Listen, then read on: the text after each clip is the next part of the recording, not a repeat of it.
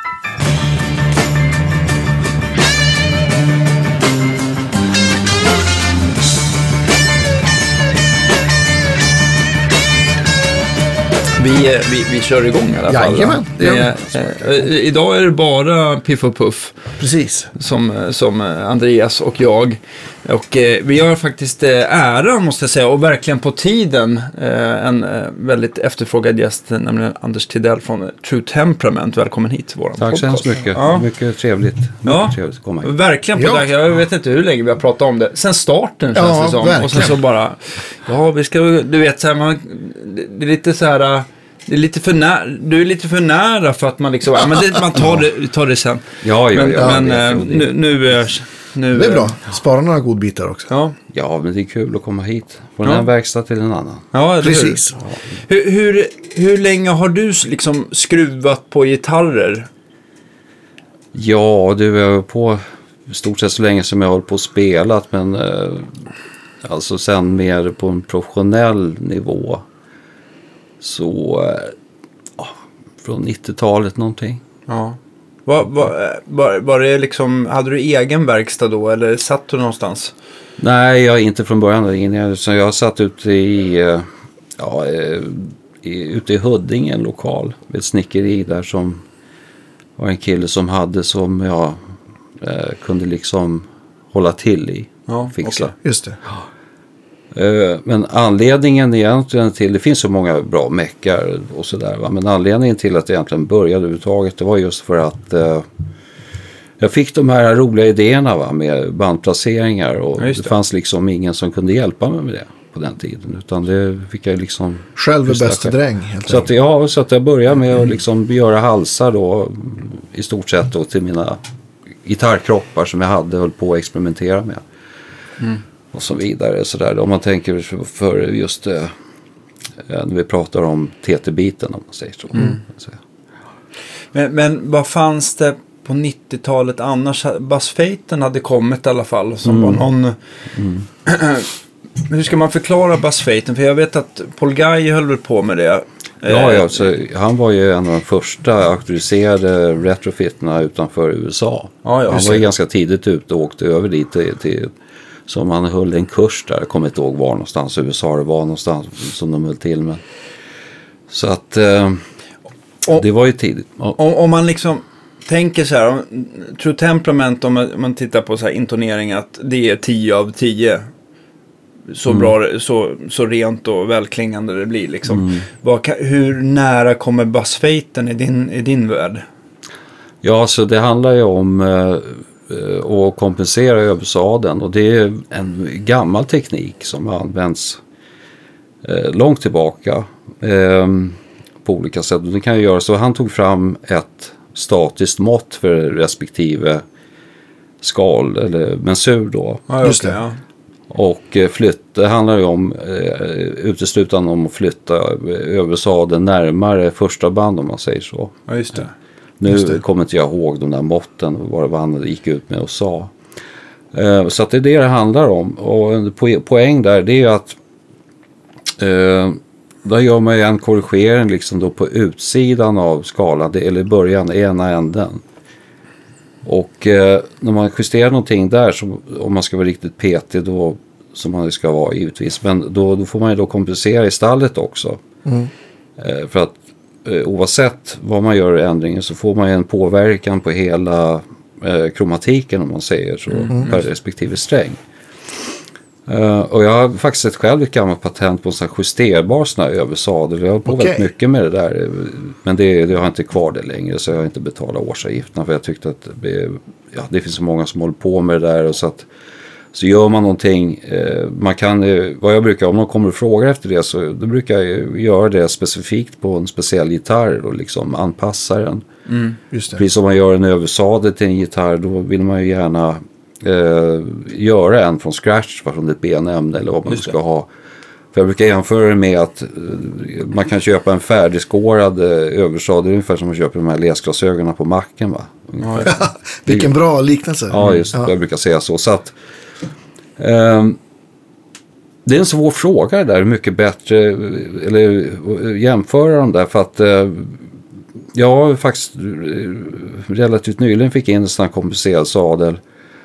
Och ehm, det var ju väldigt klurigt att få någon ordning på det där. Om man säger Okej. så. Jag, min ans- jag anser att anledningen till att jag började med TT och de, den grejen är liksom att jag ville... eh, Jag behåller utsidorna eh, traditionella. Med liksom raka sadlar. Ja, just det. Och eh, gör allting i, i banden istället. Just för att ja, vi kommer nog säkert komma dit nu. Nu, nu rullar jag bara på. För jag kan Ja, sitta absolut. Ja, vi, vi kör. Vi, Nej, vi, men, eh, alltså saken är den, vad jag har märkt, eh, just att om man kommer till bandplaceringar, om man säger sådär, att, eh, då, då är det ju så att eh, många som kommer in, och, och, och inklusive mig själv, alltså inklusive mig själv, så är det ju så att ja, jag tycker inte att det stämmer här. Liksom. Om jag tar det här ackordet så tar jag ett annat ackord. Det, det, det, jag tycker att varje gång det där händer, som jag själv liksom gjorde, det var liksom komma in en så kallad, jag kallar det för intonationskris. Det är att man tycker att ingenting stämmer. ja, otroligt. Det- Det tror jag alla gitarrister känner Ja, jag tror det också faktiskt. Men då kommer de in och jag märkte det att det är egentligen inte den liksvävande skalan som är det ultimata vad jag får intrycket av. Om jag utgår från mig själv. Och, eh, just som på gitarren när man lirar. Va? Utan man söker någonting som är bättre. Och det där är eviga, liksom, som har pianostämmar hållit på med också. Du vet, de, det finns ju historiska vedtempereringar som man säger eh, hundratals dokumenterade där det finns liksom eh, beskrivet då hur, man, hur de stämmer med olika svävningar och så vidare. Va? Och så vidare. Men det, det gäller att hitta någonting som kan fungera som en allround-temperering. Va? Det är det jag håller på med. Och, och för att komma dit, det kan jag inte komma åt liksom från utsidorna. Utan jag måste liksom gå in i själva kromatiken på banden. Alltså, och justera de här positioneringarna. Och Just för kan att det man- förändrar sig över... Ja, precis. För att jag har ju liksom då att om eh, man tittar på olika intervaller, liksom hur de fungerar i sammanhanget och så vidare. Så, så när jag höll på med det eh, på experimentbasis från början så märkte jag det att fasken också, det här blir inte rakt va. Det här kutar iväg från strängarna. Så där, okej, jag kan inte göra Jag kan inte ta ansvar för hur fysiken fungerar på jorden. Va? Nej. Liksom, utan eh, jag gör bara ja, där jag tycker liksom att det låter så pass bra, som möjligt. Och Så, så, så får det vara. Och sen mäter jag ut det och, och sen senare så börjar jag titta upp varför det blir så där. Va? Det där är en, också en annan del. Men svaret på frågan där, vi återgår till det där. Eh, eh, jag tycker faktiskt att man kan få ordning på kanske några procent att man kan tycka att det är bättre.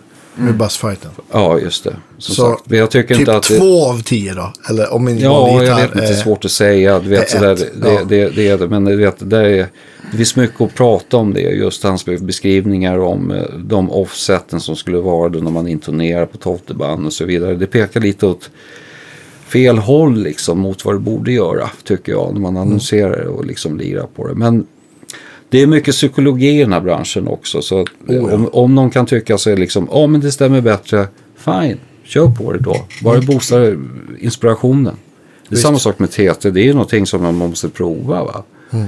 Liksom, och, så- och liksom att man ja, tycker att man får ut någonting och att det kan boosta energi. För jag menar, alla dessa artister som spelar nu eh, eh, med de här TT-halsarna och det har ju, låter ju bra som helst liksom på raka band. Det är inte frågan om det. Men man får en liten, en liten inspirationskick av att gitarren faktiskt klarar ut lite grejer själv. Som man, voicingar och det som man kan ta som man normalt inte tar liksom, med raka band för att de låter inte så bra.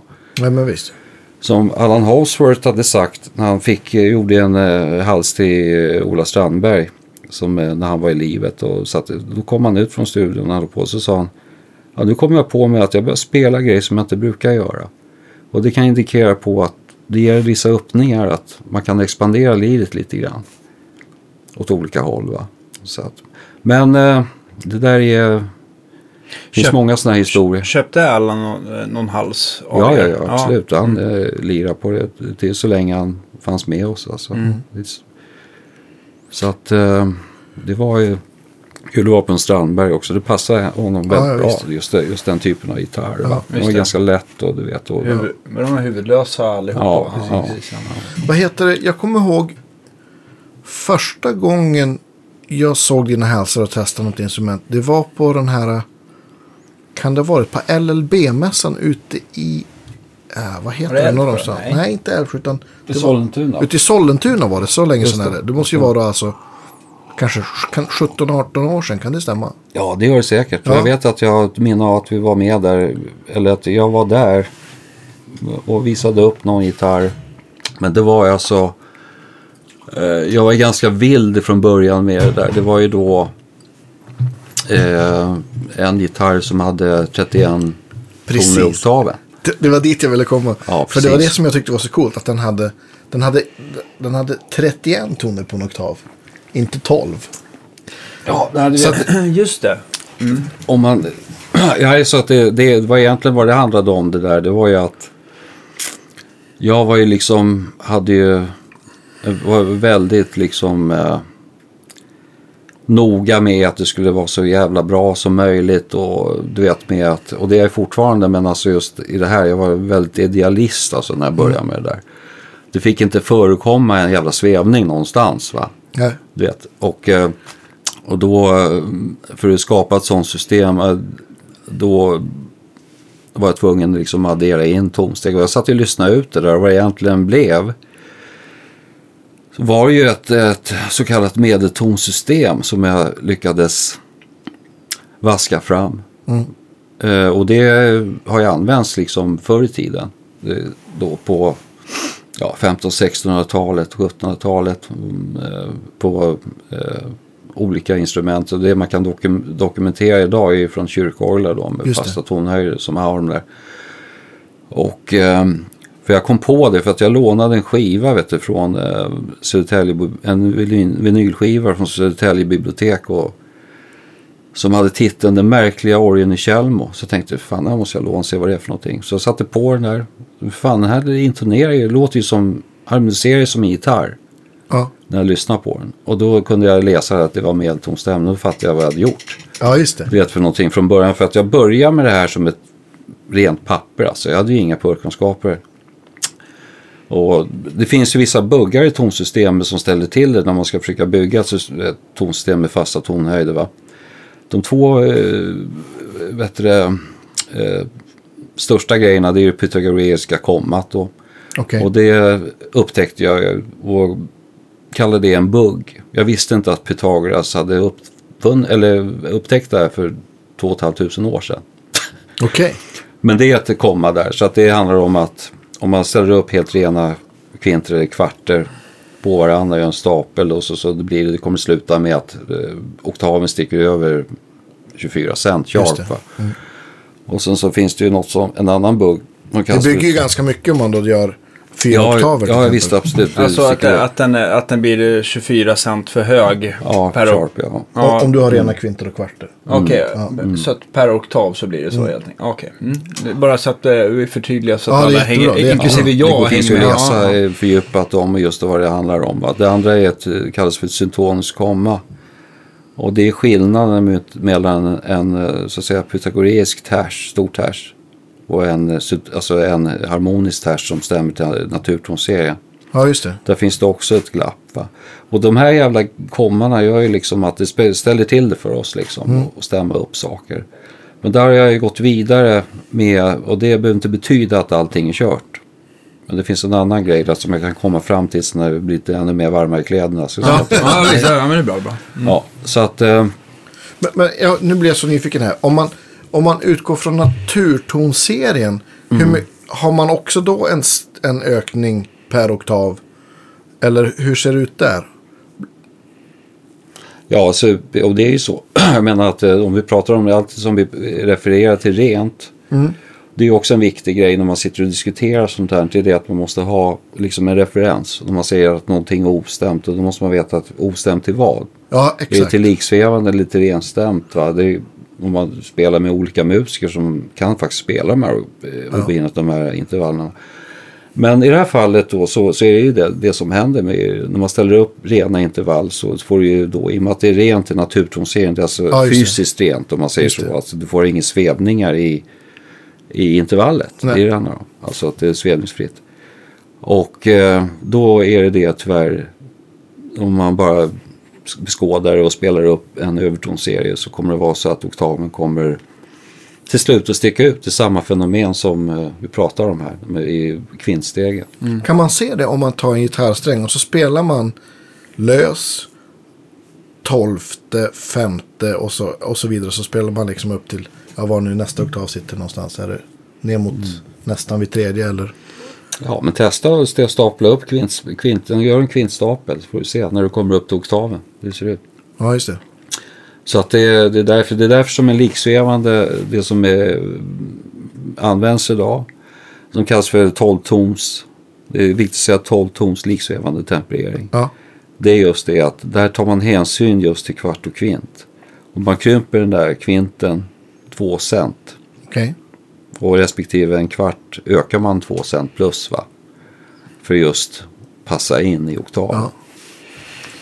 Så att det är det. Men då, då får man alla andra många intervall som en stor ters ligger 14 cent för högt. Och en liten ters ligger då minus 16 cent för lågt. Förhållande Oj, det är till ganska, naturmusik. 14 cent är ganska mycket. Ja, du kan gå, gå till en Steinway-flygel som jag gjorde för ett par miljoner. Slå en stor ters någonstans i mitten. Bara blablabla, låter det ju. Ja. Det är 14 cent. Om den är stämd så. Ja. korrekt. Men jag tror att många pianostämmare sådär har ju många gånger sitt sätt att stämma på. Det där har varit en evig diskussion i hur länge som helst. Och, och just hur, det är, hur man ska stämma. En bekant som jag har. En gemensam bekant som jag har. Han är väldigt noga med att det ska vara precis. Ja, Klasse, men Ja. det- det- han, vi får, han, han får nämnas vid namn. Han är Ja. min gamla rektor på Studio Blue Ja, ja. och Ja. eh, det var där första gången jag träffade Anders. Ja, han spelade coolt. in med, vad heter ni då? Nu eh, står det helt still. Ja, vi hette Electric Church då på den tiden. Ja, då fick jag ju känna på dina gitarrer och vad jag kommer ihåg, du hade ju satt dit de här extra banden med tandläkarborr va? Jag jobbade ju som tandtekniker ett tag under den där perioden. Och, Bara för eh, att komma och återrätta.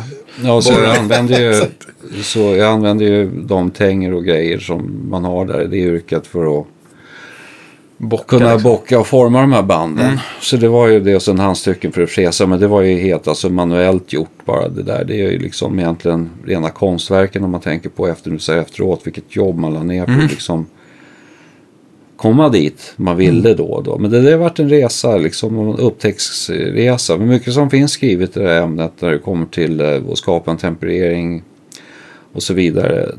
Vad jag läste sen liksom började till, när jag kommit en bit på Vad fan finns det någonting skrivet? Och återigen till Södertälje bibliotek. Började kolla i de här böckerna och som finns. Då märkte jag att många eh, författare då liksom har kopierat liksom fakta som har tagits fram någon gång i tiden. Och, Ja, liksom, det. Och där står det liksom att nej men man ska inte hålla på och pyssla med det. Alltså om man nu överdriver lite. Det, det där med att lägga till tonsteg det är så opraktiskt och det, det funkar inte. Men det är ju konst vi pysslar med. Eller hur? Så att jag menar konst, det är ju det där med gitarrbyggeri allting. Det är inte meningen att det ska vara enkelt. Nej.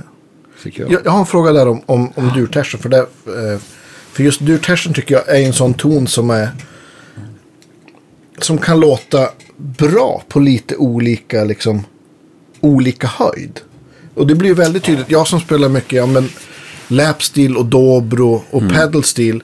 Så, och där blir ju liksom durtersen är ju det som ställer till det. Så i regel så till exempel på en dobro så, då som är stämd GBD, GBD. Så stämmer ju liksom, ja men kvinterna då. Först. Och så sen får man stämma liksom de två terserna. Får man stämma på örat för de får man stämma lite lägre. För stämmer man dem enligt stämapparaten så att de är liksom är ben. Ju högre upp man kommer då, ju mer för hög blir tersen på något vis. Och, och, ja, och ja, men Dobros och Weissenborns och allt sånt har ju liksom ingen, ingen sadel som är kompenserad heller. Så det kanske hjälper till att det blir mer fel ju högre upp man kommer. Men, men för mig är så här, 14 cent är ganska mycket. Tycker jag är ganska mycket. Men, och då kommer min fråga här. Är det här för att det ska funka i, olika, i fler olika tonarter? Är det det som Ja, är? absolut. Ja. Alltså liksvävande, det, den heter ju så för att tanken är ju att ehm, att Det ska- sväva likadant. Just och det, det, jag alltså, det är en ganska orättvis jämförelse om man säger så. Va? Det, där är störst hänsyn tas till de starkaste intervallerna. Och det är oktaven, Kvint. och kvint och kvart. Ja. Medan medeltonsystemet till exempel tar mest hänsyn till, ja oktaven finns ju där givetvis, men den tar hänsyn till den stora tersen och Ja. sen också till den mindre tersen. Så att, eh, och du vet, det är ju så egentligen om man tittar på som jag upptäckt, en stark intervall, en, en, en kvint till exempel i en treklang, tål och liksom justeras lite på. Den tål mera justering än vad, än vad en känslig lit, eh, stor ters ja, just det. Precis. Det, så att det är därför som jag triggade på det där att medeltonsystemet och då liksom tycker jag att det funkade bra så i mina öron. Mm. För att jag kommer ju från en sån miljö, många tror ju liksom att jag är någon sån här, kommer från en sån här eh, Vetenskapsbakgrund. kammar, Ja. kammarorkester. och Ja, det Eller vad ska jag säga, jag är ju som jag kommer ju från en jävla nedsunken replokal va, med Marsa Stacks och det. Och det, det är där man hör mer tydligare. Man har lite, Men det kommer jag ihåg med Electric Church. Det var ju liksom... Ni spelar ju Marshall på full låda och uh, Ja, ja. tung rock liksom. Ja, ja, precis. Och det är då liksom de här eh, terserna och sånt där som ställer, till det. Man har ju liksom en grej i huvudet och jag skulle vilja, så man spelar högt, va? okej, men det får man göra med ansvar. Ja. För att det måste, då får man ju se till att man har något bra att bjuda på i sådana fall. Ja, man hur? ska krana på. Nej, men det var ju så. Vi hade ju inga så här power alternators och det som det. Det var ju liksom superlead 100 watt och liksom. Och det var ju blåsa och trummisen, han fick ju slå på då. Det var ju bra. Men det, så slår man då liksom med arrangemang som man lirar med öppna strängar och grejer och sånt där. Då vill man ju liksom få det att lira. Det var ju liksom det, det, som jag ville komma åt. Ja, visst. Och det framträds ju mera då när man har lite, finns lite crunch, lite gain i det. Va? Liksom sådär. Då adderar man ju mer och övertoner och så då blir det ju tydligare. Va? Det är liksom alltihop. Ja, det är klart. Med övertoner så.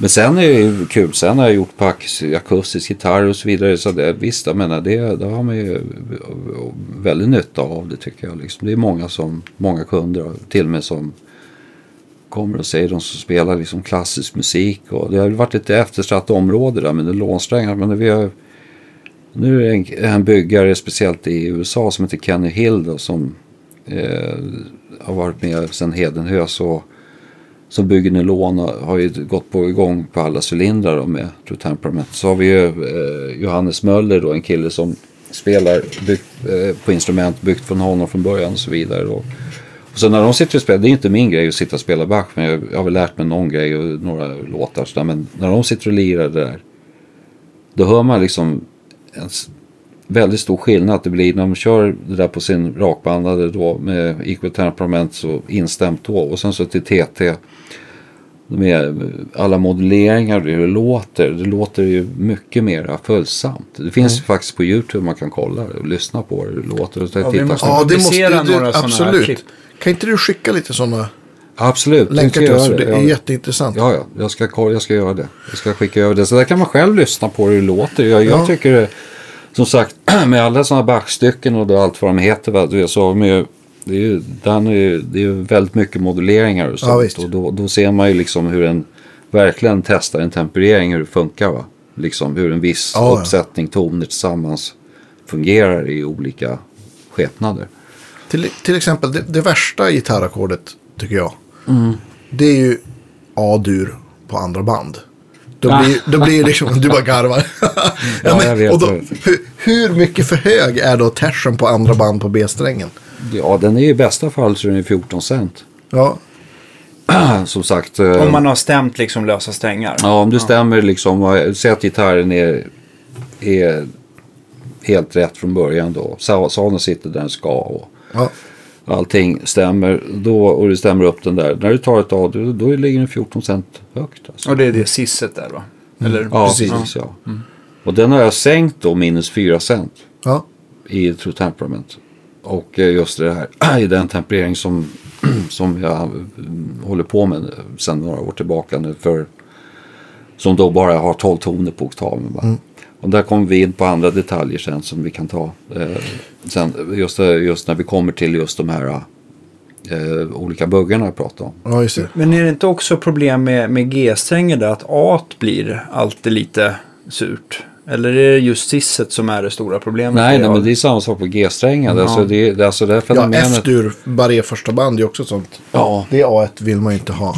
Nej, Det, det är gäller där att det, det, är där det ligger här rätt. va? tumgreppet har Ja. uppfunnits. Precis. det gäller ju att det liksom ligger rätt. Så det är på alla strängar. Så, så att det är... ehm, som Gisset också då till exempel. För nu spelar ett E-dur. Det är också en, en clash då man, mellan ver- verklighet och teori. Där du tar det liksom ett E-dur och sen så tar det upp ett C. Du jämför det liksom kvinten mellan C och G. Och sen så tar det då på G-strängen då. Och så trycker du ner och kör ett Giss. Och, och där är liksom en riktigt hårfin balans. Där har jag utökat rangen lite så att det, det gisset också sänkt minus 4. Så tar du en kvint eller en, en kvart mellan giss och sist då. Så har du en tempererad, alltså vanlig kvart som ligger där. Okej. Så att det är liksom, det är som en Rubiks kub liksom, man ska säga billigt om man ska göra en temperering. Att gör du en justering någonstans. Så måste du liksom titta ändå om det ska vara en allround temperering. Ja, alltså, exakt, till vad som 360 händer. grader. Så att du måste följa efter liksom. Eh, och, så att du kan skapa en temperering. Ja, men precis. För det är som ett, ett tersen i, i, Det är som i kryddblandning, kvinten i nästa. Liksom. Ja, precis. Det är som, kul- som jag brukar säga att mellan olika temperering så där, det är som olika dialekter va? Liksom Mm. i språk. Att eh, en del skorrar lite på, skorrar lite på r och del gör Ja. inte va? Liksom Ja. sådär. Men det gäller bara att man liksom får in, det finns ju en hel ocean. Jag säger inte att det är en temperering som jag har gjort, att det ska skrivet i sten och så, det är det bästa som har gjorts. Utan det är ett förslag jag har tagit fram som jag tycker Mm. fungerar och många har gillat. Men om man tänker på att, att om man tar på en vanlig gitarr att du sa att i bästa fall så är det där, äh, äh, vad blir det nu? Äh, Sisset. sis- Sisset äh, 14 cent äh, för högt. Ja, just det. Ja. Vad händer om du hade gjort temperera, alltså de här banden att du hade flyttat det 14 eh, cent så att det hade låtit bättre det här och att vad hade det ställt till för problem för andra ackord till exempel? Går det att säga? Förstår du min fråga?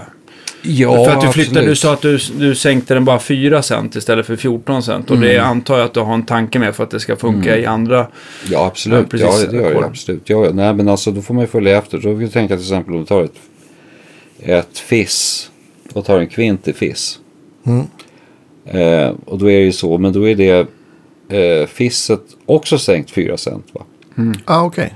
Och så att det är så. Så att du kan ta en gitarr, en TT och så spela runt alla kvintar. Och så märker man att det finns, det finns ingenstans som man liksom blir störd. Och det var dit, jag kan ju lika gärna dra, nu har jag tjatat om att jag har Ja. skjutit dum grej. Ja. Jag kan, det, du vet, eh, det här blir en jävla vetenskapspodd. där. Ja, Ja, det är bra, det är det underbart. Ja, jag hoppas Väldigt folk annorlunda. lyssna på det. Ja, ja, nej, men det är toppen. Det är väldigt annorlunda. Det är nästan de här avsnitten som är mest uppskattade. Ja, faktiskt. Ja, nej men alltså, jag har en, eh, faktiskt, jag har inte avslöjat det här. Det är faktiskt första gången som jag gör det offentligt faktiskt. Ja, ja, ja. Champagne på kylning. Så att det, Ja, nej men alltså det är inte så stor Ja. grej. Men det, det, det är det här med att, som jag sa förut, till de här böckerna då man skriver om att när man läser de här eh, tabellerna på olika gamla historiska tempereringar som Werkmeister var en kille då som höll på med förr i tiden. Han hade tre, Werkmeister 1, 2, 3 vet jag varianter då på en viss dialekt på sin till piano eller cembalo, orgel, mm. name it. Körnberg är en annan. Eh, och då läser man tabellerna i cent då. Som är, det är ganska behändigt sätt att räkna tonhöjd på. Liksom istället för hertz. Det, Då kan man se, alltså, om vi pratar om 14 cent för högt eller så vidare. va. Och läser hans tabell då så ser man, ja men just det, det funkar, det där funkar, funkar. Ja men det här intervallet, vad det nu kan vara va.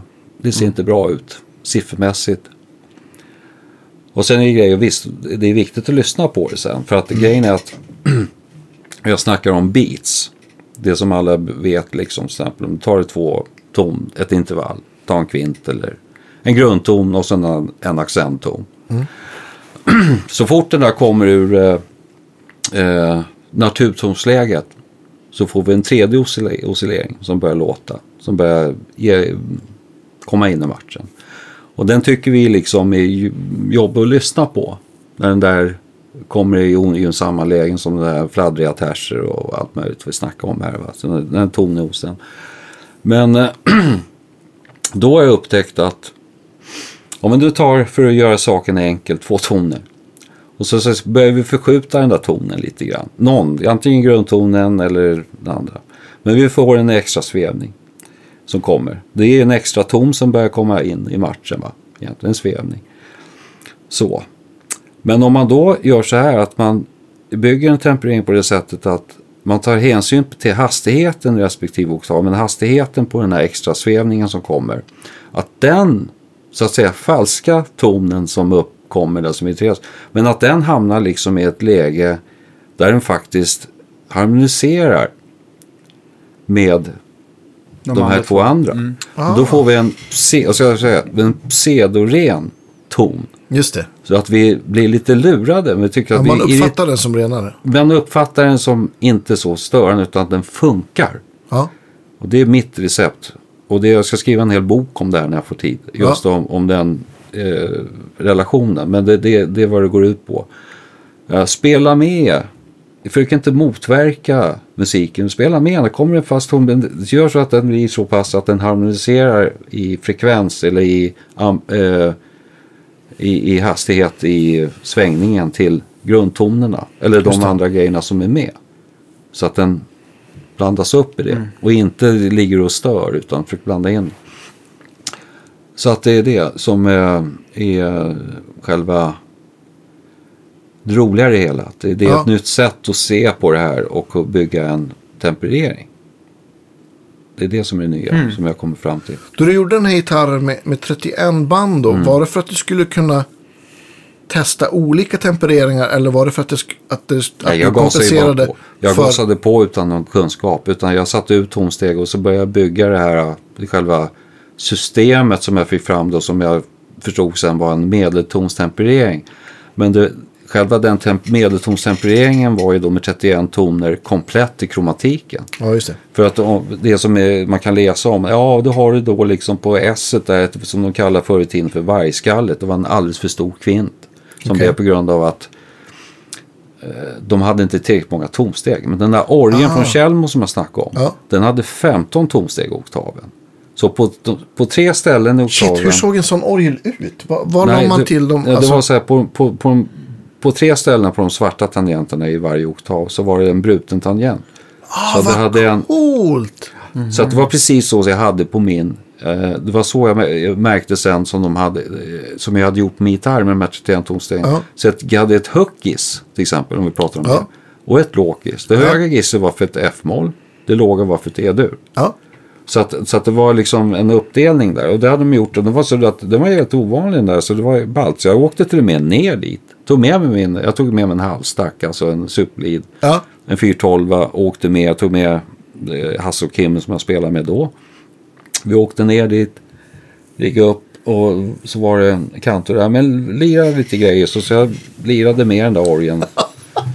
Och eh, Fantastiskt. där det fattades tonsteg på orgeln så ta bara kvinten där så lägger jag till tersen på guran. Så vi liksom spelar ju in det där. Så oturligt nog så blev det en jävla jordningsfel på inspelning för vi hade bara en bandspelare med oss. Ja. Så det var liksom brrr, en jävla jordfel som låg där på, på inspelningen. Men det var ju mest bara för, det var inte för att spela in något seriöst utan bara för att göra en eh, test. Mm. För att se, så att vi åkte till och med dit. Och, och jag var dit faktiskt, eh, när var det då? Kanske en tre, fyra år sedan igen faktiskt. Och, men då hade jag inte med mig någon. Jo, jag hade med mig en gura. Spelade lite mer ändå också faktiskt. På kul bara. Eh, men eh, ja, så att det, det är Nu minns jag inte ens vad fan frågan var. Vad vi snackade om. Det var ju... Ehm, Det var säkert jag som frågade om någonting. Ja, ja. eh, Nej, men det var med tonstegen där i alla fall. Så att det var, det Jo, men det var, jag var på 31 bands och, Just det. Mm. eh, och, och vi var på S-dur och vad hette det där felaktiga? Ja, just Men- det. men- Ja. Men att, att det här, de här brutna svarta tangenterna, funkar de då funkar de bara i vissa tonarter så att säga. Att det funkar Man använder dem bara det, vissa tonarter. det, Ja, det, är för att, det är för att kunna expandera rangen lite om man säger så. Har du bara 12 toner och stämmer upp en 12-tons instrument alltså. I ren eh, en kvarts komma medelton. Vi pratar om syntoniska komma. Det finns lite olika grader om hur man stämmer. Men det är den här rena medeltonen som var min favorit. Eller är det fortfarande. Men eh, då är du kommer åt åtta durtonarter och åtta molltonarter att kunna spela. Men lägger du till, som de hade gjort det här, den eh, ursprungliga Eh, de som hade beställt den här orgeln från början, jag läste historia, det var en, en, eh, en kantor där som hade beställt den här. Och jag, jag tror att han har gjort det. För musiken på den tiden liksom var ju inte som idag. De hade Nej. inte behövt dem. De var inte, den var ju mer modal, den var lite enklare. va. Just ja, de här tonsättarna från den tiden som, som spelade musiken de spelade. Jag tror att han kanske ledde här barnkör och sånt där. Att han ville kunna spela lite mer i, kunna transponera lite. ja, exakt. ja, det är min teori bara, jag vet inte. Men den här var ju speciell i och med att den var ju och de skickade, det var inte mer med det, de skickade in det. Så de visste väl det kanske att det fanns, man kan komplettera med en, en 31-tons klaviatur. Vi testade att göra en sån på kul bara i, i tre för att se hur det skulle bli. Va? Då är det liksom, då är det ju delningar överallt. Ja, Mm, precis. Allt går ju att lära sig att lira på om man, Ja, Om man har smala fingrar. om man tycker att man behöver det. ja. Eh, nu i dagens läge så tycker jag så här att jag lirar ju på TT, alltså med det som jag gör själv. ja. Så, där, så att jag har en medeltonshals som jag brukar skruva på ibland om jag ska göra någonting och bli sugen på det. Va? Men, Ja. men, men som sagt, som jag sa från början, var väldigt idealistisk från början. Du vet, och, och liksom, vi spelar ju på det här sättet. Liksom. Vi byggde en bas likadan. Vet med Kim och då, Ja. som spelade bas. Då, vi, så vi höll på med det. Och vi, vi gjorde, vi var inte så ute så mycket att spela. Vi var såna här, till liksom lokalen, gjorde lite inspelningar. Men när vi var ute och lirade, vi var uppe hos Claes Yngström, förresten i Dalarna med det här. Men då vi lirade där och liksom folk tyckte, men det är normalt det här liksom. Det, det såg inte klokt ut. Klasser kom jag, han sa det, Yngström. Det är som att ha tagit syra. Sa han. Han. Så vann den sned. Ja, ja, ja, ja. Det var kul. Vi hade roligt då. Men det var kul och liksom det, det finns mycket musiken. Mycket man kan säga om dialekt. Mycket man kan göra som är bara liksom eh, lyssna lite grann hur man lägger upp olika intervaller så där, för få olika modisar och feelingar och för saker. Va? Ja visst, jag som spelar slide-gitarr har ju labbat jättemycket med det. Liksom. Mm. Ja, och det ja, finns ju det. två toner som, är, som man kan leka väldigt mycket med. Och som jag tror att vi alla som spelar gitarr också Mm. gör, vare sig vi vet eller inte. Och det är ju, nummer ett är ju tersen liksom. Mm. Hur, hur liksom, man, man kan ju till och med, ja men att man, man kan ju till och med göra tersen lite högre även på mollackord funkar. Även om man spelar mollters, man liksom töjer någon liten gnutta. Inte för mycket, men lite grann. Ja, det är ju så. Den riktiga tersen så är, eh, stå- lilla tersen är ju Ja. 16 cent låg va? Ja, just det. Ja, men det förklarar det, ju. men, men, men det är märkligt att eh, nu jag tänker efteråt så att man inte från början reagerade i och med att den ligger ju mer fel än den stora tersen. Men på något sätt så är det den stora tersen som man fastnar på först. Och tycker att den är för hög. Va? Ja, Men, och så när man lyssnar då på medeltonsters som bara ligger 4 cent fel. Den stora tersen ligger pang på rödbetan va. ja. Den andra ligger vet du, bara 4 cent fel. okej. Ja. Eh, och i medelton då. Och man hör den. Och det är så vackert alltså. När, man hör, när den börjar komma. Men det, man upptäcker den. Hur den kan låta. Det är fantastiskt fint. Men det är en viss dialekt. Jag menar, man kan spela på saker och justera. Det finns ingenting som är rätt och fel egentligen. Det är som en att. Om vi nu pratar om liksom fysik. Och liksom så, här, så vidare. Så. Det är ballt. Den låter väldigt bra. Så det finns ju eh, mycket kul att göra med dem. Intervallerna. Absolut. Jag tycker också mellan alltså kvart och kvint, alltså minus femman blues-tonen som den brukar kallas.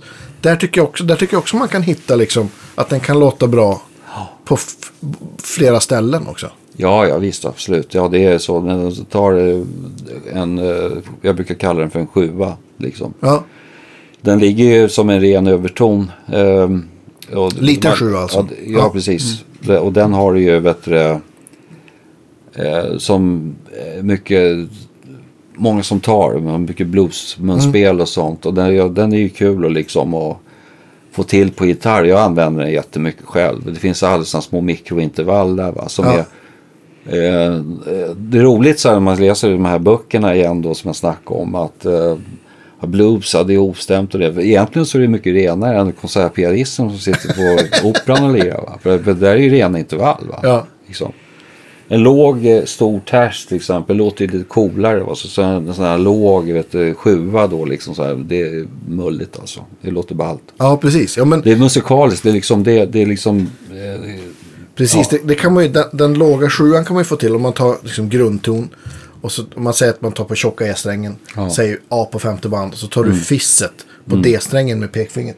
Så böjer man upp den liksom. mm, precis exakt. Så d- där är ju ett bra sätt att hitta liksom den, Ja, exakt. den sjuan. Så här. Och, då säger, och, jag, och det bara, ja men det känns, så här, det är också det, det känns, känns bra att hitta den där liksom. Det, är så precis, det finns så mycket att uttrycka med va, liksom. Ja. Just att eh, göra små, små justeringar och sådär. Men det, det, finns, det finns mycket, en hel ocean i oss här. Men jag tänkte just på bluesgitarrister så här. Jag kan ju tycka så här. s- som mina favoriter som, låt säga Albert King. Som kan, Man kan ju bända ganska surt enligt många sådär. Men ibland så låter det ju väldigt bluesigt i alla fall. Går Ja. att liksom fastställa. Alltså han, han kanske inte tänker på det så vetenskapligt. Han bara gör det och att det blir lite Ja. autotune. Men det låter, det låter ändå rätt. Går det att dra några paralleller där med att de liksom... Om det låter rätt så är sannolikheten mycket stor, sannolikheten är stor att, att det, är, det är naturtonsintervallerna att nosa på. Va? Ja, just det. Så att det är en ganska enkel regel alltså. Sagt. Precis, för för det, det var min nästa så här fråga. Det var ett jättebra eh, segway till den frågan. För ibland kan det ju vara saker som man upplever som skeva.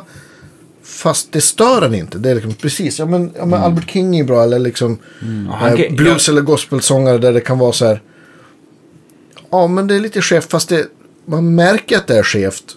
Man hör det för att man är van att det inte är så. Men, men samtidigt så, så är det inget som gör en, en upprörd. Det beror lite på Ja, också. så är inte hur jag ska förklara, men det beror på jag vad det, för, vad det är för liksom harmonik. Om man säger Ja. så här. Att eh, ja, när man kör helt rena intervall. Om man liksom tar något med komplext ackord. Som kan ha en typ av jazzanknytning. Mm.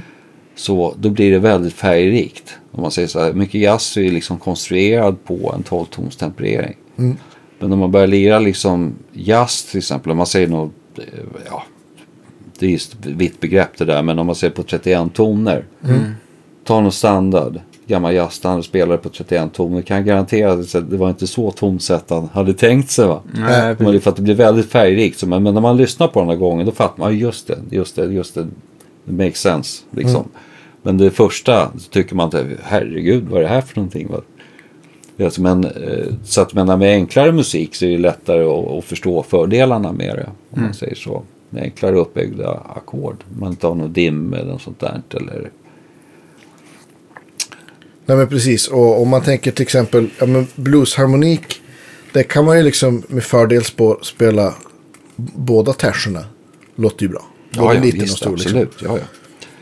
Självklart. Där, Det gör det inte på ett, ett mollackord till exempel. Men, Men- men, men, ett sju, alltså ett blues sju ackord funkar ju båda jättebra. Jag tänkte för din egen, du som är så inne i det här äh, och med intonering och sånt där. Mm. Och är det någon, är det sådär att du har liksom svårt att liksom njuta av en vanlig rakbandad gitarr? Eller, eller, eller har du, hur, hur långt har det gått för dig? För jag kan tänka mig att vissa av dina kunder, de har blivit jag kan tänka mig som, som äh, Wetterbrand till exempel. Han har ju så otroligt bra gehör. Så att man liksom, man hör, han, han, ibland så känns det nästan som att jag är, jag är nästan lite glad över att jag inte riktigt har det gehöret. För att han, han, han irriterar sig och sågar så, så snabbt liksom sådär. Hur, ja. att man är liksom nästan inte lyckligt ovetande, hur ska man säga? Att man inte är... Nej, men så länge man inte stör då, då ska man, man ska inte väcka en björn som sover. Vet du, om man säger så. Men hur, Utan- hur har det gått själv? Du som ändå har liksom Mm. labbat så himla mycket. Kan, kan du liksom ändå så här förbise vissa så här svävningar och fel? Eller är, är du, Ja, har du ja, blivit ja. väldigt känslig? Nej, alltså jag har, ju- jag har till och med två rakbandade gitarrer hemma. Som jag kan knäppa på. Men eh, det är ju så, de, efter ett tag så då börjar man komma ihåg att varför jag liksom inledde det här arbetet en gång i tiden. Så människan är ju så funtad liksom på något sätt att när du vänjer dig vid en speciell standard så är det jävligt svårt att backa. Va? Det gäller ju vad som helst. Om man har en bra lön så får man en dålig lön. Eller flyttar från en fin lägenhet till en sämre. Eller byter bil till en sämre. Så tycker man ju att det är öken. Va? Så att det är ju tyvärr så. så att, eh, ja, det, är- det är ju så att det är många som säger så här. Ja, men jag vill inte byta det till för då, då får jag förmodligen byta på alla gitarrer och sådär. Men jag tror inte att det är så farligt ändå. Liksom. Så att det, man kör, men liksom det, jag säger det, alla får testa och se vad de tycker. Va? Liksom, är det att de som går igång eller är det viktigt då om man liksom får tillbaks lite från gitarren liksom gratis så att säga. Att man inte behöver liksom tvika överallt och när man spelar med öppna strängar och sånt och får det liksom mer balanserat så, så är det lite vanebildande. Va? Om man säger så. Är det, är det... Kan man liksom tycka att det också blir svårt som, som om, man, om man är två gitarrister i band eller man spelar mot piano att den ena byter till en TT-hals och den andra inte. Blir det liksom, Kan det bli ett störningsmoment? Alltså hur de blandar sig Ja, eller? jag förstår vad du menar. Jag, alltså, jag har många exempel på det där som alltså kunder då, eller människor som har bytt och spelar i sådana här sammanhang. Mm. Eh, det beror ju på vilka det är och hur de spelar och sådär. Men det, det är ju så oftast att jag tror att eh, reaktionen är väl att TT-gitarren låter mer injusterad. För de som om man säger så här, inte har några kunskaper och bara lyssnar på det så låter den, ja men den där verkar ju bra justerad och den verkar liksom intonera. Det är ju svårt att liksom eh, säga från fall till fall. Va? Men det, det är inte någon som har kommit och sagt men det gick inte alls att blanda ihop det här. Många tycker ju att det funkar mycket bättre med piano till exempel. Va? Ja, men det är klart det gör. Om- Så att, eh, och så vidare. Så att, ehm, ja, det är ju ett dilemma liksom. Man Ja, kommer med en ja. grej så här, du vet, en på en etablerad marknad. Det är, det är ju många motgångar och... Ja, men vi är ju av, av födsel och ohejdad vana så är vi ju också lite så här att vi tycker om att det ska vara som det var förut. Eller som det alltid har varit. Ja. Samtidigt som vi är nyfikna på nya saker så får det liksom inte vara för spännande. Då blir vi skeptiska. Ja, alltså det är ju så det funkar liksom här i samhället. Så att det är ju så här, det Nu kan vi ju gå tillbaka till Windows 95 då till exempel. Då, Ja, men Istället. precis. Ja, ja, man kan dra sådana här, men, det är, men det här är ju, vi pratar ju om konst nu va? ja, visst. Alltså det här är instrument för konstutövning. Det är så jag ser det. Då, Mm. Ja. då, då, då är liksom, det är väldigt specifikt, specifika grejer. Det måste ju liksom kännas rätt och, Mm. och sådär. På alla punkter. Och, så att det är så att det är svårt då. Jag rekommenderar ju alla liksom, och, som funderar på det här med TT och försök låna eller någon som har någon att prova först. Testa och, och liksom för det är man ju tvungen att göra. Jag menar, många köper gitarrer liksom på tomman och sånt där. Då köper de lite typ grisen i säcken så får de den. Då får de hoppas på att det är bra. Eller inte. Så, eller så kommer de ner till, till mig eller till dig och vill ha en setup eller liksom och försöka få ordning på det liksom och så vidare. Det är alltid sådär. Det är svårt med de här grejerna. Ja, precis. Jag, jag tycker ju också, alltså det är inte så himla lätt tycker jag att och, och, eh, på alla gitarrer och bara, om man just skulle vilja göra den här eh, korrigeringen att få översaden kanske lite närmare första banden som ibland Mm. kan hjälpa mycket. Men, men, eh, men eh, Det funkar ju lite så här, vet du, vet du, Mm. återigen på den här flytta sadeln. Om du flyttar den där sadeln lite närmare första band. Mm. Då kommer det innebära att när du testar, om du inte har rört stallet, så när du testar intonering på tolfte band så kommer det vara flat där. va? Mm. Och sen får du justera det så får du flytta fram stallet. ja, just det. för De att var ju tillbaks. Men då har du liksom gjort en, man kan säga att du har åstadkommit en 50-procentig, du får dra av 50% på effekten av det du har fått flat upp i bland de första band. Så att det handlar om relativ eh, strängplacering. Alltså det är inte allt, man, man tappar inte allt, men man tappar väldigt mycket Ja, av. precis. Man Ja. måste ju liksom hitta mitten igen om man säger Mm. precis Ja, jag fattar, jag fattar. Förstår du? Mm, mm. Så att eh, då får man kompensera upp där. Och då var det där fiten. Jag tyckte just att kolla på de där siffrorna produceras. Så jag tyckte, förstod inte riktigt hur fasiken han menade. För att jag tyckte det pekade åt fel håll. Så att det var någonting med att B-strängen blev mer sharp. Och den vill man ju liksom inte ha. Man tänker på G. Menar ters mellan G och B vill man ju inte försämra. Liksom, utan tvärtom. Så att jag tyckte det gick, pekade lite åt fel håll de här grejerna. Så jag fick inte ihop det riktigt sådär. Med. Men man kan göra liksom om man är på en gitarr då om någon tycker det, så kan man ju leka med och kompensera en Och så att säga mäta in det på en specifik gitarr. Och sen så fråga kunden om liksom att ja, men vad är det vi irriterar på? Så på vilka, ja men jag tycker det här, ja, men då kan man ju gå in och göra en stickgrej och justera de sakerna. Mm. Men då kan det bli så, ja men då får du räkna med att det blir lite tokigt här borta. Ja men där spelar jag aldrig liksom. Om det skulle vara en sån. Ja, just det. Eller någonting. Så att det, det går ju, alla grejer går ju lösa om man, om man ska skräddarsy någonting. Ja, visst.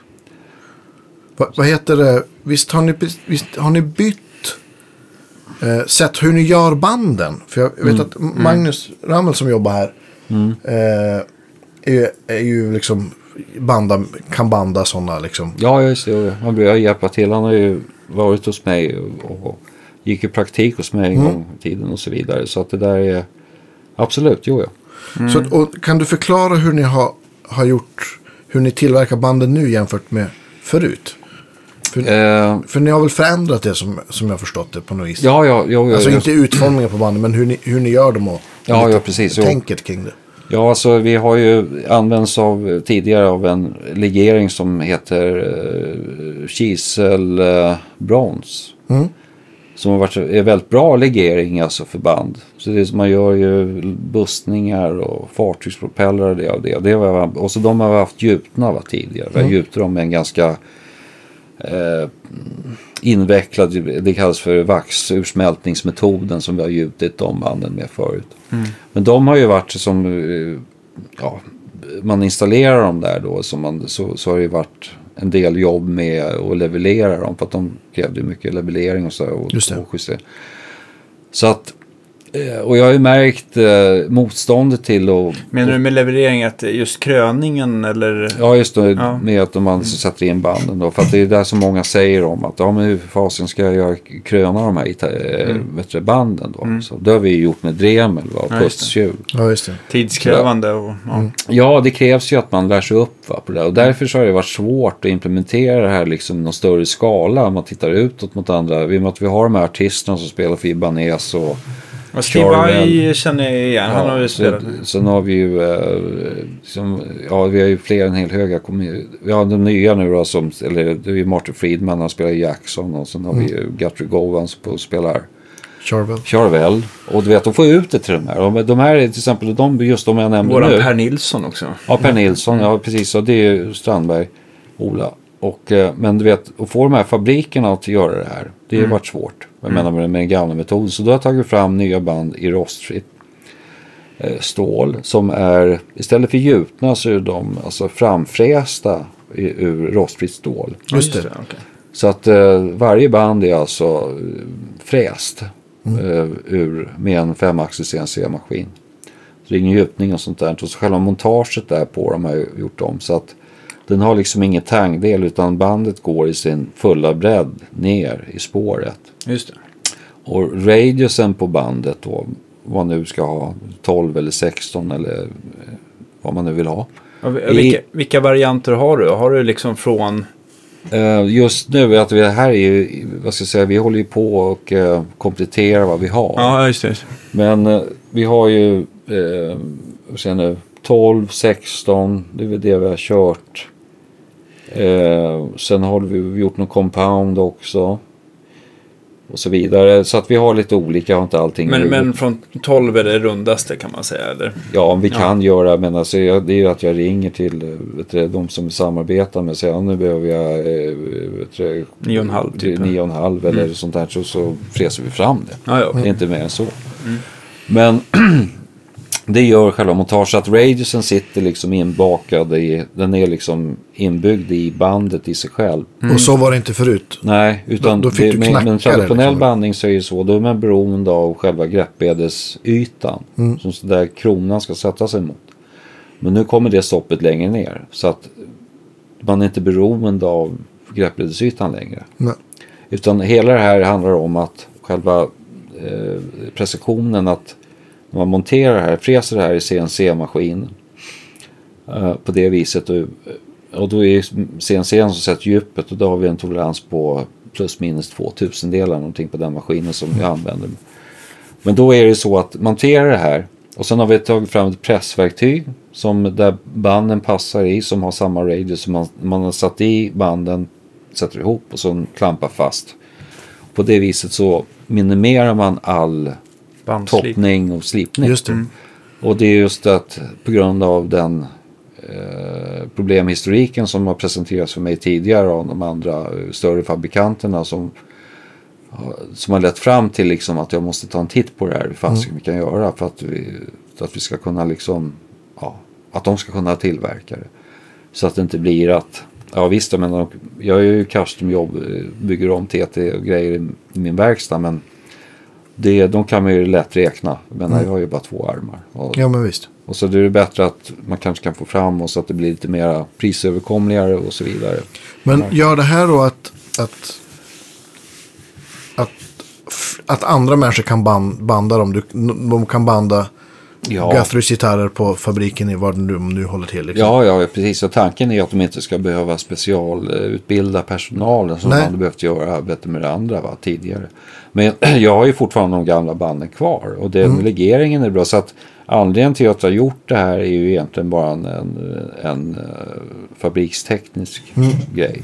Men det är väl bra om man, om Mm. man ska, ska komma in på liksom... Ja men, ja men det är ju verkligen Ibanez och Charvel Jackson. Det är ju liksom det är jättar. Mm. Som gör, gör gitarrer i fabrik liksom. Och, Ja, de, precis. Och du vet, då, då kan de Må, inte jag stå- menar de gör många gitarrer liksom. Ja, precis. Är, är det någon av de här jättarna som är klara eh, som, som kör era eh, band liksom från, från, direkt från fabrik nu? Strandberg Ja. gör väl det va? Eller? Ja, ja absolut. Ja. Jo, ja. Men det är som sagt, eh, ja, ja, de håller på så att eh, det, det tillverkas ju, eh, jag vet inte hur mycket jag vågar säga så här offentligt Nej. vad som Nej. är, men alltså det tillverkas ju mycket, mycket gitarrer tillverkas i Indonesien. Mm. Och, eh, och de är faktiskt väldigt duktiga Mm. att göra det. Så att jag förstår att eh, många anlitar dem. Liksom. Ja, just det. Och det är inte alla fabriker som klarar av det här utan det är... Det är Ja, alltså vi, vi, vi, som, vi var ju på, nu, sist nu på Namshow och hade många möten här med alla möjliga olika tillverkare. Eh, och så att de har ju fått kika på det här. och eh, samtliga är ju väldigt positiva och, tro, och vill köra igång och testa och så vidare. Va? Ja men du förstår, de jag, särskilt om du har art, förlåt, artister som, som de har i sina stall som har använt det här Ja, länge. precis. Jo, ja. Det har varit en liten paradox liksom när man har haft vissa som spelar och så säljer de respektive ja, signatur då utan det här Ja. optionet. Så det har varit lite tokigt som sagt. Så att, men det, ibland blir det det i livet. Men så att, Men jag tänker så här, Indonesien. Jag tänker när jag började att sälja gitarrer på 90-talet på Second Hand Music. Då var det ju liksom inga gitarrer som kom från Indonesien överhuvudtaget. Då var det liksom lågpris var ju mycket Korea.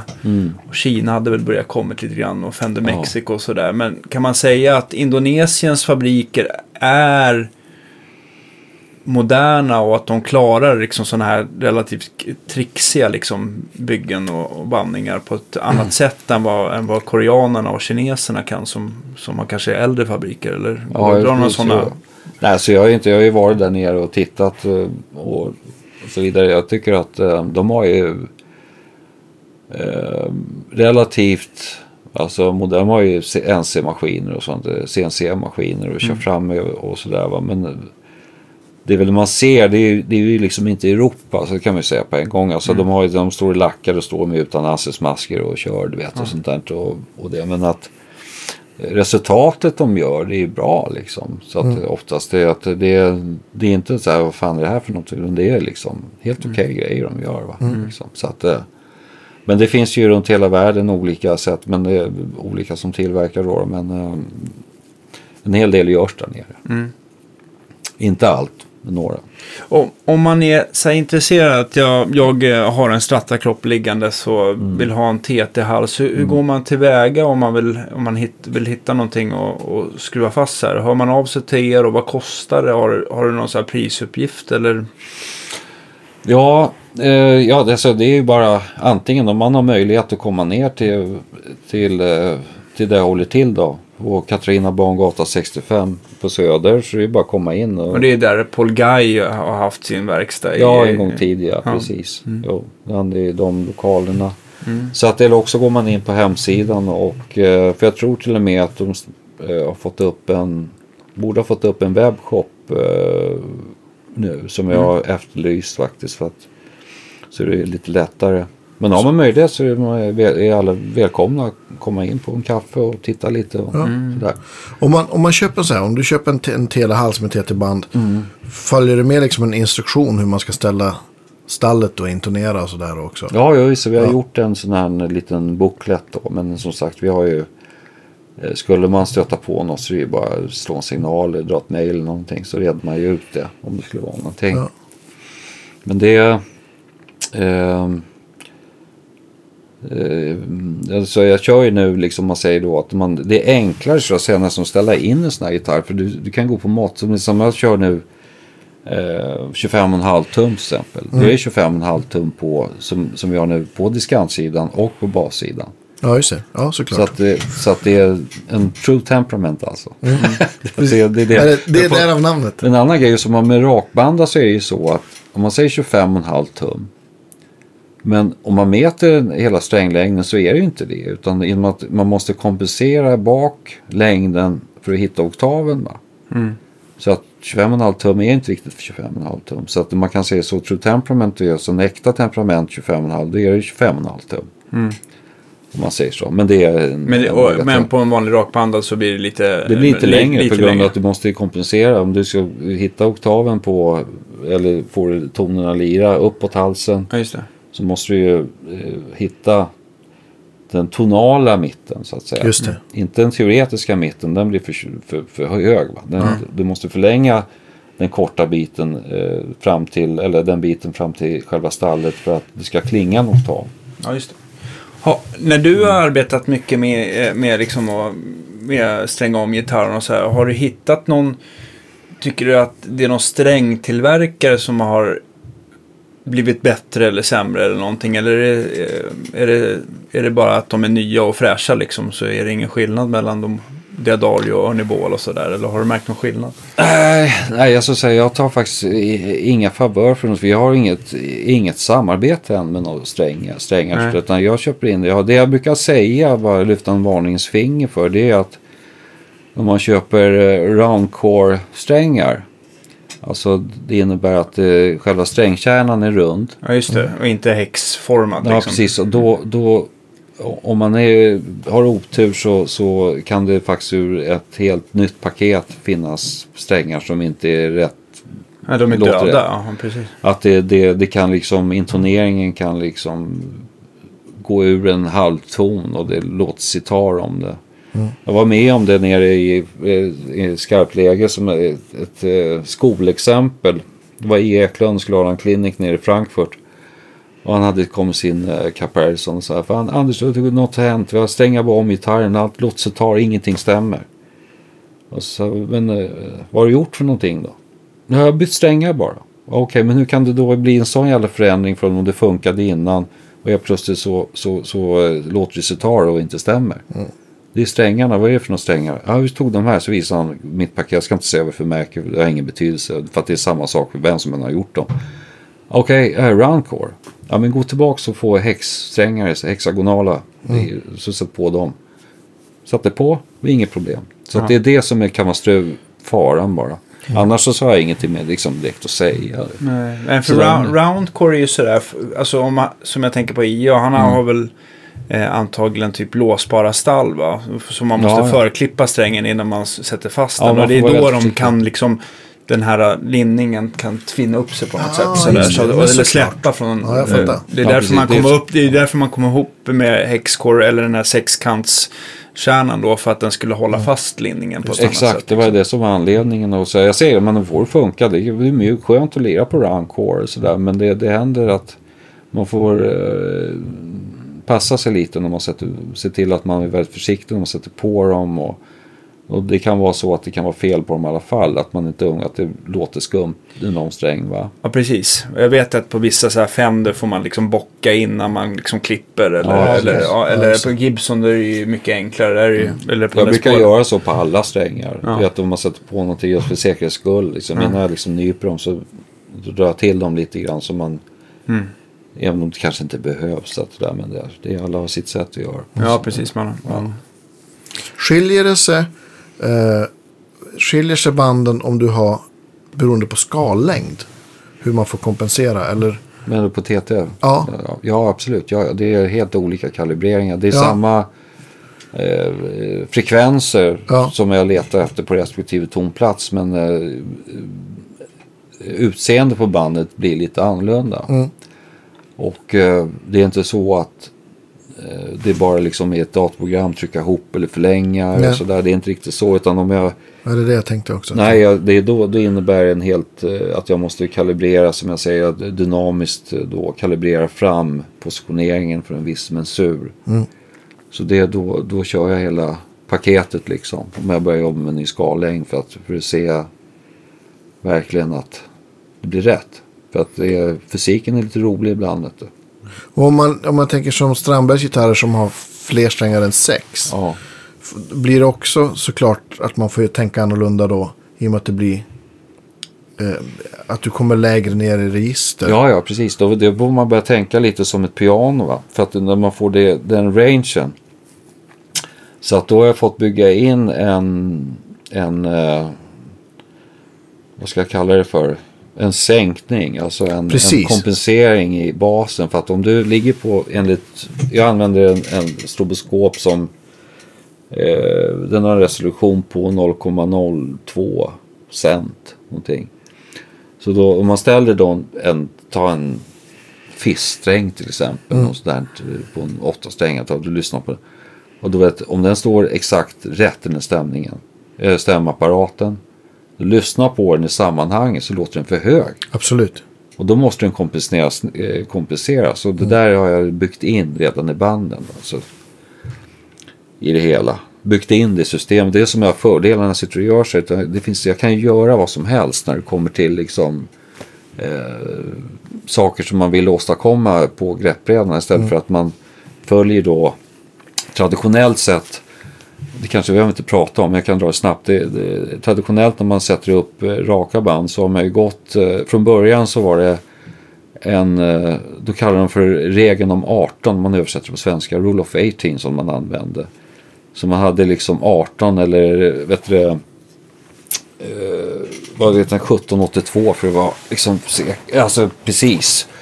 För att dividera en skallängd med för att så att säga hitta fram Ah, okej. eh, vad posi- positioneringen ska vara. Ja, det- Senare så har man ju gått över till 12 roten utav 2. Som är 1,09, bla bla bla, jag kommer inte ihåg vad det är. Men att det är en formel som man då tar skallängd, dividerar med och får man fram då. eh, och bägge de här tar fram mitten ganska exakt. Oktaven. Mm. Väldigt exakt. Men den, det som händer efter, lite annorlunda, så Rule of 18 är lite kortare. Den är nästan, om man ska säga så, påminner mer om TT. Fast inte alls framme där, va? men att den är lite kortare så att det gör att den drar inte iväg så långt. Ja, Efter- så att nästa oktav blir lite Ja, den är lägre. lite mer hoptryckt. Ja, ja, den är lite mer hoptryckt va? än vad toftroten utav två som majoriteten av våra gitarrer idag tillverkas efter. Är det någon som är den här Rule of 18 som du vet gör PRS eller? eh, Ja, jag vet det faktiskt inte. Jag har inte kollat det. Ehm, så att det, det kan jag inte svara på faktiskt. Okej. Det är några specifika. eh, Vi har kanske, vi har aldrig tänkt på mätare faktiskt. Nej. Jag menar för mig så är raka band är raka band för jag kommer inte fram i alla fall dit jag vill. Nej. Men som sagt, men jag vet inte. Jag hade snack med Paul Smith nu sist faktiskt när jag var på NAM show. Pratade om, men han... Eh, eh, ja, jag, han har väl lite sån här kul uppfattning om när det kommer till just mått och sådär. Det är alltid när man kommer till USA va. Med deras tum. Ja. De har så här 9, 16, 3 kvart. Ja, ja, men det är en sån här nyckel. Vet du. Här har du den. Så, så, och så blir det då i millimeter, en helt massor med Mongo. decimaler. Ja. Men där så tyckte han att han hade fått intrycket att en tusendels tum, en tusendels inch var mer precis än en tusendels millimeter. Åh, Och jag tänkte, okej. Hur, vad, vad säger man då liksom? Nej, men jag sa det till honom att eh, jag bygger om många PRS eh, just Ja. TT. Jag får in många som, till verkstaden och sådär. Och, och de tycker liksom, ja som tur är, så att en bra gitarr blev ännu bättre. Och det tyckte jag, han gav sina välsignelser för det. Så det, det var kul. Han är lite specifik den där grabben, lite rolig. Men det var, men kan ha sådana, de har inte, de har inte direkt koll på millimeter där, om man säger så. Nej, precis. Nej. Överlag. kanadensarna är ju bättre. De har ju, de har ju liksom Ja, fattat ja, det här med att millimeter är mycket bättre. Han skröt om att han var en inch guy. Du vet, så att Ja, ja, jag är en inch guy så att du vet, ni håller på med det där metriska systemet. Det är inte så... Ja, man, man, alltså, som eh, millimetervän så, så har man ju svårt att se någon som helst fördel med inch Ja, eller tum överhuvudtaget. Ja, det det, är- är det- bara, det är bara knepigt. Ja. Det är, jag håller med dig 100 procent. Ja, nej, så jag matar ju på verkstaden eh, i dessa tider och vi får väl se hur fler och fler kommer väl igång eh, med eh, tillverkning om allt går som det ska. Så att säga. Så att eh, jag har ju lite andra grejer på G också men det får vi kanske ta en annan sittning och får Ja, vi men Ja, vi, men vi, är, vi, vi, du behöver ju dra Andreas, jag tänkte vi, får, vi måste, det, finns, det känns ju som att eh, Anders har ju verkligen så här outtömlig, eh, ungefär som Oh, ja. vi gör en jul va? Att vi, Ja, kan men liksom, exakt. vi kan prata um, Hur länge som helst. med många, många avsnitt. Och, eh, så att det här blir ju del ett så att Ja, säga. ja, okej. Ja. ehm, och så. Men jag, jag, man håller ju verkligen, för att det här känns verkligen som eh, en jävligt bra idé. Och eh, tyvärr har jag provat för lite gitarrer. Framförallt med de här nya bandstavarna. Jag är så otroligt nyfiken och, och, och testa hur det blev. Jag har bara sett Magnus fräsa in några ehm, provhalsar. Men jag har inte Om känt du någon... vill kan du ta en titt på. Jag har en uh, Acke-gur här med mig. Ja, det måste jag Ja, intressant. Måste måste jag prova. Ja, Men vi, eh, vi tackar för den här gången. Ja, precis. Och på ett återseende snart igen tycker Ja, jag. och tack själva grabbar. Det var jättekul att komma hit och få komma ut ifrån verkstaden lite till en annan verkstad. Ja, Det blir fler gånger Ja. snart. Ja. Eller så får vi komma och hälsa på i er verkstad. Ja, men Ja, exakt. ja, Ja. visst. Absolut. Vilket som. som. Det Vi är är kul. mobila, alltså. Det är roligt. Jajamän. Ja. Tack för idag. Grymt. Vi hörs nästa vecka, gott folk. Hej, hej. Ha det så bra. Hej.